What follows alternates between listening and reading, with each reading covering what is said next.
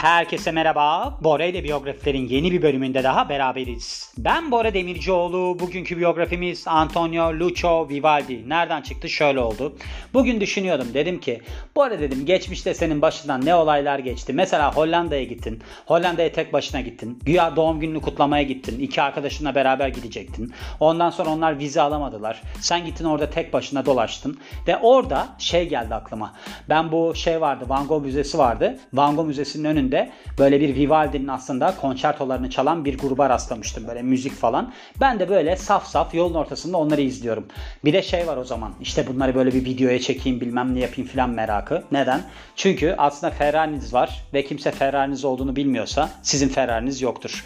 Ben de gitmişim kışın soğuğunda Kasım'ın 14'ünde Hollanda'ya buz gibi soğuk. En azından dedim insanlar bilsin yani benim orada olduğumu. Neyse ben onu orada çekiyorum. Çok büyük bir keyifli ki ben de zaten Vivaldi'nin aslında şey var ya The Four Seasons var. Orada Presto var. Presto'yu çok severim. Onlar da Presto'yu çalıyorlar o sırada. Ben onu kaydederken bisiklet az kaldı bana çarpıyordu. Biliyorsunuz Hollanda'da acayip bir bisiklet trafiği var. Ben de orada böyle bayağı bir korkmuştum yani. Dedim ki Vivaldi uğruna ölüyordum yani. Hani çok sofistike bir ölüm olacaktı. Sonrasında başka şeyler de aklıma geldi. Mesela geçmişte benim bir kız arkadaşım vardı. O şey demişti. Şöyle durumlar vardır bilir misiniz? Hiç olmadığınız kalıplara girmeye çalışırsınız. Mesela kız arkadaşınız ya da çevreniz falan sizi biraz zorlar. Siz de hiç böyle olmadığınız, ilgilenmediğiniz konularla birdenbire ilgilenmeye başlarsınız. O kız da şeydi böyle klasik müzikle ilgileniyordu falan. Sürekli de bana örnekler veriyordu. Bak diyordu benim iş arkadaşım beyaz yakalı bir insandı.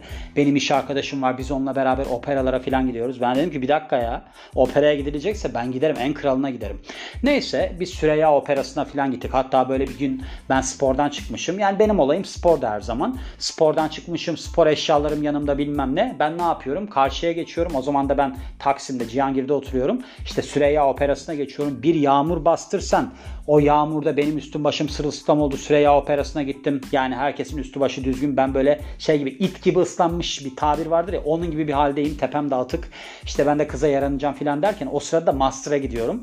Master'da işte bir tane hocamız var bizim. Ben neyse çok sinirli bir şekilde o operanın tuvaletine girdim. Üstümü değişeceğim. O eşofmanlarımı giyeceğim yani. Ben böyle işte tuvalette değişirken üstümü tamamen üstümü çıkardım. Kıyafeti giyeceğim öyle bir değişme yeri falan da yok. Adam girdi içeri. Ben böyle donla tam tuvaletin ortasındayken adamla böyle karşılaştık. Adam acaba ne düşündü? Hiçbir şey demedi bana ama çok garip bir şekilde bakmıştı. Çok da tanışmıyorduk. Yeni başlamıştım Master'a.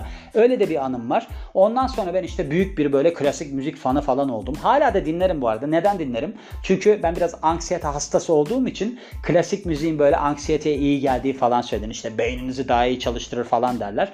Ben de onun için açarım mesela klasik müziği. 30 bin adım falan yürürüm. Yani anksiyetem düşecek diye. Anksiyetem de genelde düşmüyor. Şey gibi oluyor. Bir umutlu yaşatan insana aldım elime sazımı gibi bir durum oluyor. Öyle bir noktadan çıkışım var yani Vivaldi ile tanışma olarak baktığımızda. Ve doğum tarihine geliyoruz. 4 Mart 1678 doğumlu. Venedik, İtalya doğumlu kendisi. Nereden tanıyoruz? Yani ne olarak tanıyoruz daha doğrusu? Barok dönem bestecisi bir de keman virtüözü. İşte The Four Seasons'tan da kendisini tanıyoruz. Aslında şöyle bugün teyzemle buluştuk. Ben de teyzeme dedim ki teyze dedim ya bizim dedim böyle bir durumumuz var yani ailece bir kaygı bozukluğumuz var. Herkes böyle bir endişeli yani. Neden endişeli olduğumuzu bilmesek bile biz ailece endişeleniriz. Öyle bir şeyimiz var yani. Herkes son derece nitelikli insanlardır. Mesela ben neye takmışımdır biliyor musunuz? Gelecekte ben acaba yalnız kalır mıyım? Böyle Tesla'yı Mesla'yı okuyunca böyle 45 kilo New York City'de bir otel odasında öldüğünü falan görünce acayip ben anksiyeteye başlatıyorum böyle kafamda yani. Endişeler bilmem neler diyorum ki ya ben öyle olursam filan. O da işte mesela dedi ki ya dedi ben de dedi endişe duyuyorum. Sonra biz böyle konuşurken işte dedim ki ben dedim arkamda dedim bir şey bırakmak istiyorum. Gelirken dedim buraya Vivaldi'yi okudum. Sabah okumuştum ben bunu. Sonra Vivaldi'yi okuduğumda Vivaldi'nin aslında hiç bilemeyeceğimiz bir insan olduğunu fark ettim dedim. O dedi ki nasıl yani? Çünkü dedim bu adamın bir noktadan sonra insanların müzik zevki değiştiği için tanınmamaya başladığı bir dönem var. Ve el yazmaları falan ondan sonra aslında Torino'da bulunduktan sonra bize ulaşmış. Yani bu adamı hiç tanımayabilirdik biz. Çünkü kaybolup gidebilirdi. Ben dedim ki ben kaybolup gitmek istemiyorum. Yani dedim ben arkada bir şey bırakmak istiyorum. O yüzden de mesela podcastlerim çok önemli. Yani benim şu anda mesela ölüp gitsem bin bölüm podcast'im var. Yani şu anda başlasanız 3 sene boyunca Bora öldükten sonra Bora'yı dinleyebiliyorsunuz. Öyle bir avantajı var. Bir de Ozanizm diye bir dizi çekmeye başladım işte 18. bölümde. O da var. Yani ben yokum orada ama sesimi dinleyebilirsiniz. Öyle bir durum durumum var. Yani o açıdan hoşuma gitti. Ama konuştuğumuzda anladım ki mesela biz birbirimize çok benziyoruz. Yani herkeste böyle bir endişe var ailede. Sonra dedim ki Bora dedim sen dedim aslında çıkışını bulmuşsun. Nedir senin çıkışın? İşte sen podcast yap böyle işte bestekarları filan incele. Onların da sorunları var. Sonra ondan önce de mesela teyzemle buluşmadan önce anneme dedim ya dedim böyle işte biyografileri yapıyorum. Benim dedim endişelendiğim konularda aslında haklı olduğumu anlıyorum falan. Annem de dedi ki Bora dedi sen dedi geçmişteki insanlara bakıyorsun. Ama dedi şu anda dedi hayat çok zor. Onlarınki gibi rahat değil dedi. Ben dedim ki sen neden bahsediyorsun anne? Geçmişte dedim salgın hastalıklar vardı, savaşlar vardı. Onların yaşadığı şeyler o kadar ağırdı ki aslında. Bizimki de hiçbir şey yok şu anda. Ne savaş var ne bir şey var. Hayat pahalılığı, enflasyon filan var. O zamanlarda yemek yok, bir şey yok. İşte sağlık sorunlarından bilmem neden dolayı insanlar ölüyor. Annem bana dedi ki evet haklısın. Dedim ki Bora bayağı ileriye gidiyorsun. Yani annen de sana hak verdi diyerek girelim biz Vivaldi'nin biyografisine. Şöyle kendisi aslında barok bestekar ve aslında bu İtalya'dan çıkmış en büyük bestekarlardan bir tanesi olarak görülüyor. Ve bestekar olmasıyla beraber işte bir piyano, piyano diyorum, keman virtüözü, rahip ve de öğretmenmiş. Aslında şöyle oluyor. Bu adamın astım hastası olduğu söyleniyor. Yani mesela bu rahiplik mesleğine de devam edememiş. Bunların böyle bir törenleri mörenleri oluyor ya ben bilmiyorum tabii ki o ritüeli de. Orada bunları karşılayamıyormuş. Bir şeyler oluyormuş yani. Orada böyle bir sıkıntı yaşıyormuş. Onun için de ona devam edememiş. Ama işte şöyle bir durum var. Aslında bu adam baktığımızda barok dönem bestekarı. Sonra Bora ne yaptı? Barok dönem nedir diye araştırmaya başladı. Hatta demin annemlerle oturuyorduk. Çünkü şu anda benim kendi evim yapıldığı için annemlerle beraber kalıyorum. Ve böyle acayip entelektüel sohbetler gelişmeye başladı. Mesela camdaki kızı izliyorduk demin. Camdaki kızı izlerken adam öldürüldükten sonra ben şöyle bir soru sordum. Mesela camdaki kızı izliyorsunuz Kanal D'de. Sonra da diyorsunuz ki barok dönem nedir biliyor musunuz? Annem de diyor ki evet. Babam da diyor ki evet. Ben diyorum ki nedir? Annem dedi ki barok mimar dedi. Onların ikisi de mimar. Böyle dedi süslü yapıların olduğu bir dönemdir dedi. Ben dedim ki hayır dedim öyle değil dedim. Açtılar evet öyleymiş. Ben de böyle bir şiştim. Ben dedim ki peki dedim barok müzik nedir? Babam dedi ki böyle dedi barok müzikte de işte aslında süslemeler falan var. Ben dedim ki hayır dedim öyle değilmiş dedim. Barok dönem dedim aslında klasikle Rönesans arasındaki geçişi yansıtıyor. Sonra açtılar baktılar.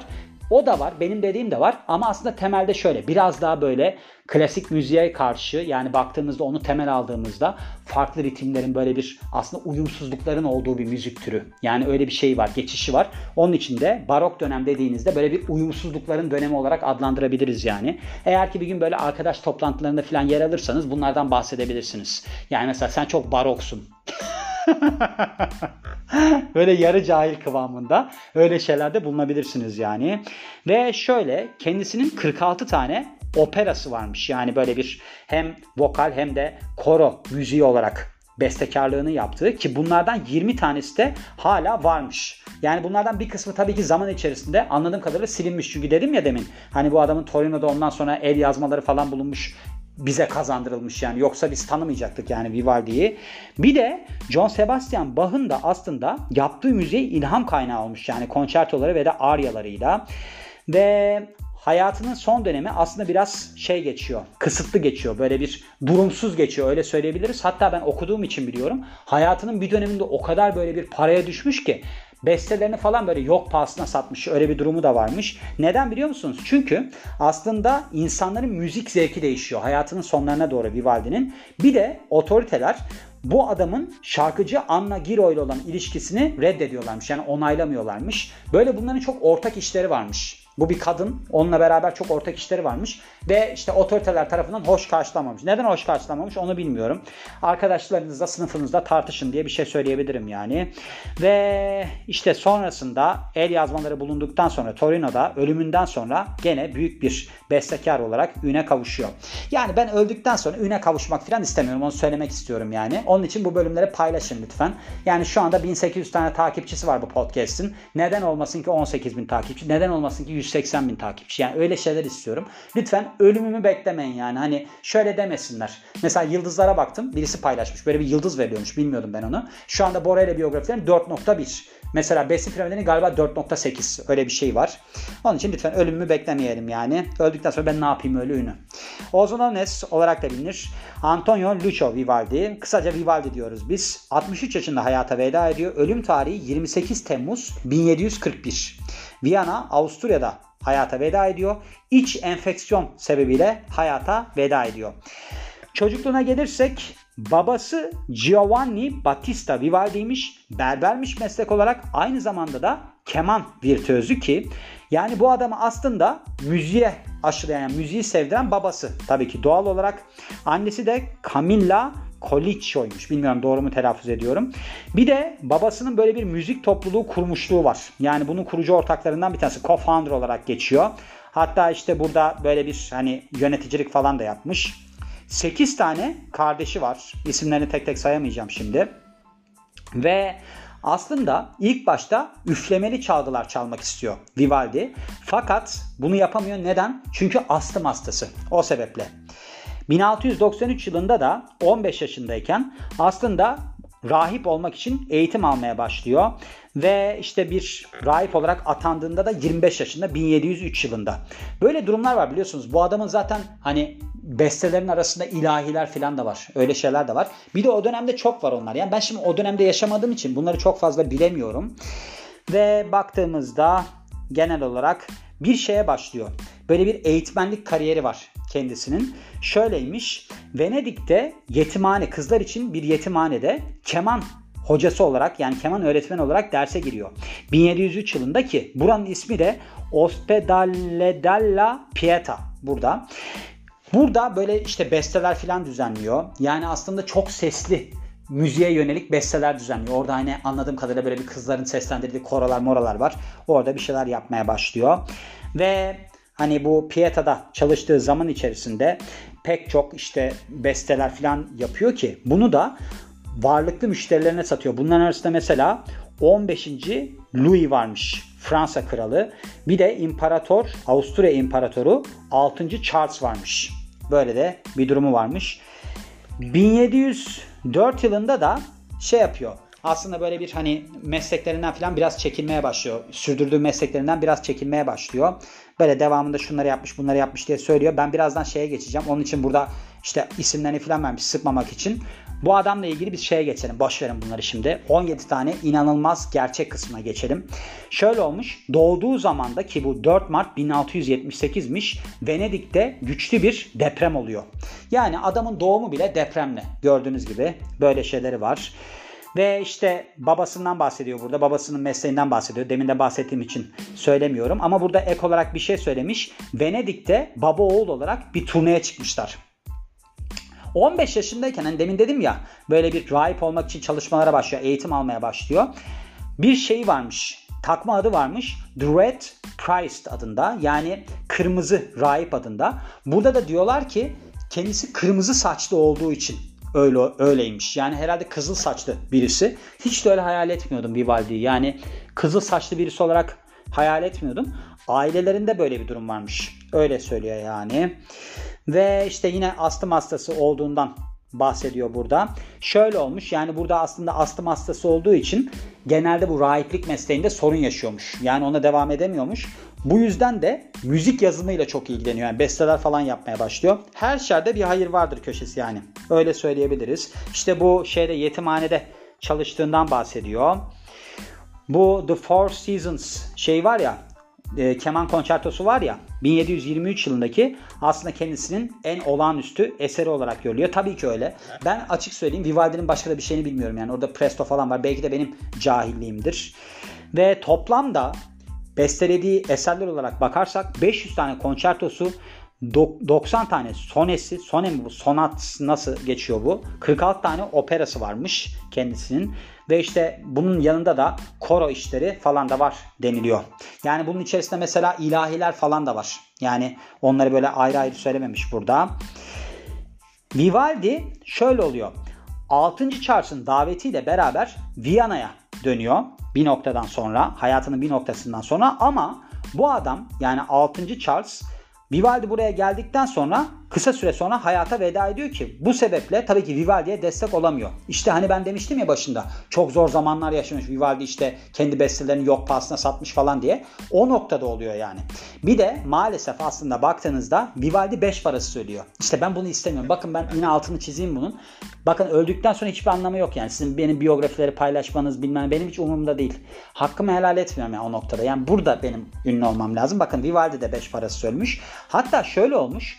Kendi kendi cenazesinde müziği bile çalınmamış. Böyle kilisenin çanları falan çalıyor. Öyle bir şekilde hayata veda etmiş yani. Ve başka bir şey var mı? Ondan bahsedelim. 1926 yılına kadar müziği fark edilemiyor. Yani öyle bir hani müziği olduğu falan bilinmiyor. Sonrasında işte bu Torino'da hani el yazmaları falan bulunuyor ya. Ondan sonra saygı görmeye başlıyor. Ve 2006 yılında Vivaldi'nin bir operası bulunmuş. Argippo adında. Bu da aslında son olarak 1730 yılında performe edilmiş. Yani böyle bir sahnelenmiş. 2006 yılında keşfediliyor bakın. Ve 2005 yılında Vivaldi adında bir film var. Burada da hayatı aslında belgesel tadında işleniyormuş. A Prince in Venice yani Venedik'teki prens yani Vivaldi A Prince in Venice filmin adı. Bir de radyo oyunu varmış. Aynı yıl çıkan 2005 yılında. Başka da bir şey var mı diye bakıyoruz. Hayır. Burada özet olarak baktığımızda neler görüyoruz? Öldüğü zaman kendi müziğini çalamıyorlar. Yani durumsuzluktan dolayı beş parasız hayata veda ediyor. 6. Charles kendisini Viyana'ya davet ediyor.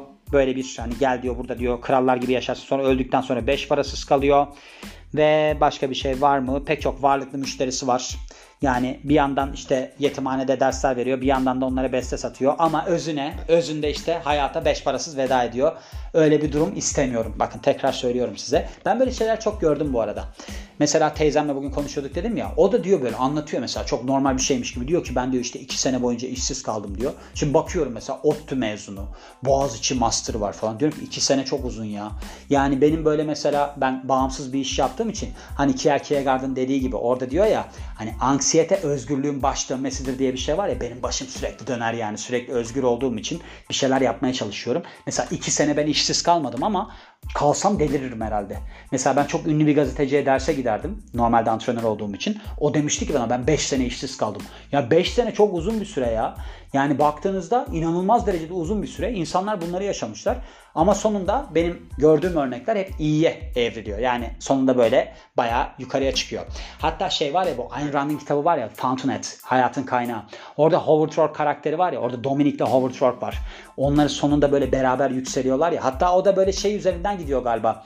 Howard Rourke barok mimari üzerine gidiyor. Öbürü klasik yapılarda, Peter Keating klasik yapılarda gidiyor. İşte Howard Rourke'un işleri beğenilmiyor ilk başta sonra değer görüyor falan. İşte Dominic'le beraber yükselecek kişi ben olmalıyım yani. Hani kitabın sonuna da denk gelse zaten kitap 990 sayfa falan. Yani bekledik bekleyeceğimiz kadar yükselmem lazım yani. Hani bakın bu 490. biyografi ha. Yani az da olmadı. Kitap 990 ben geldim 490'a. Kitapta böyle satır satır geçiyor. Ben sayfalarca şey anlatıyorum. Lütfen yani. Bunlara dikkat edelim diyorum ve bu biyografinin de sonuna geliyorum. Beni dinlediğiniz için çok teşekkür ederim. Ben Bora Demircioğlu. Yeni biyografide görüşmek üzere. Hoşçakalın.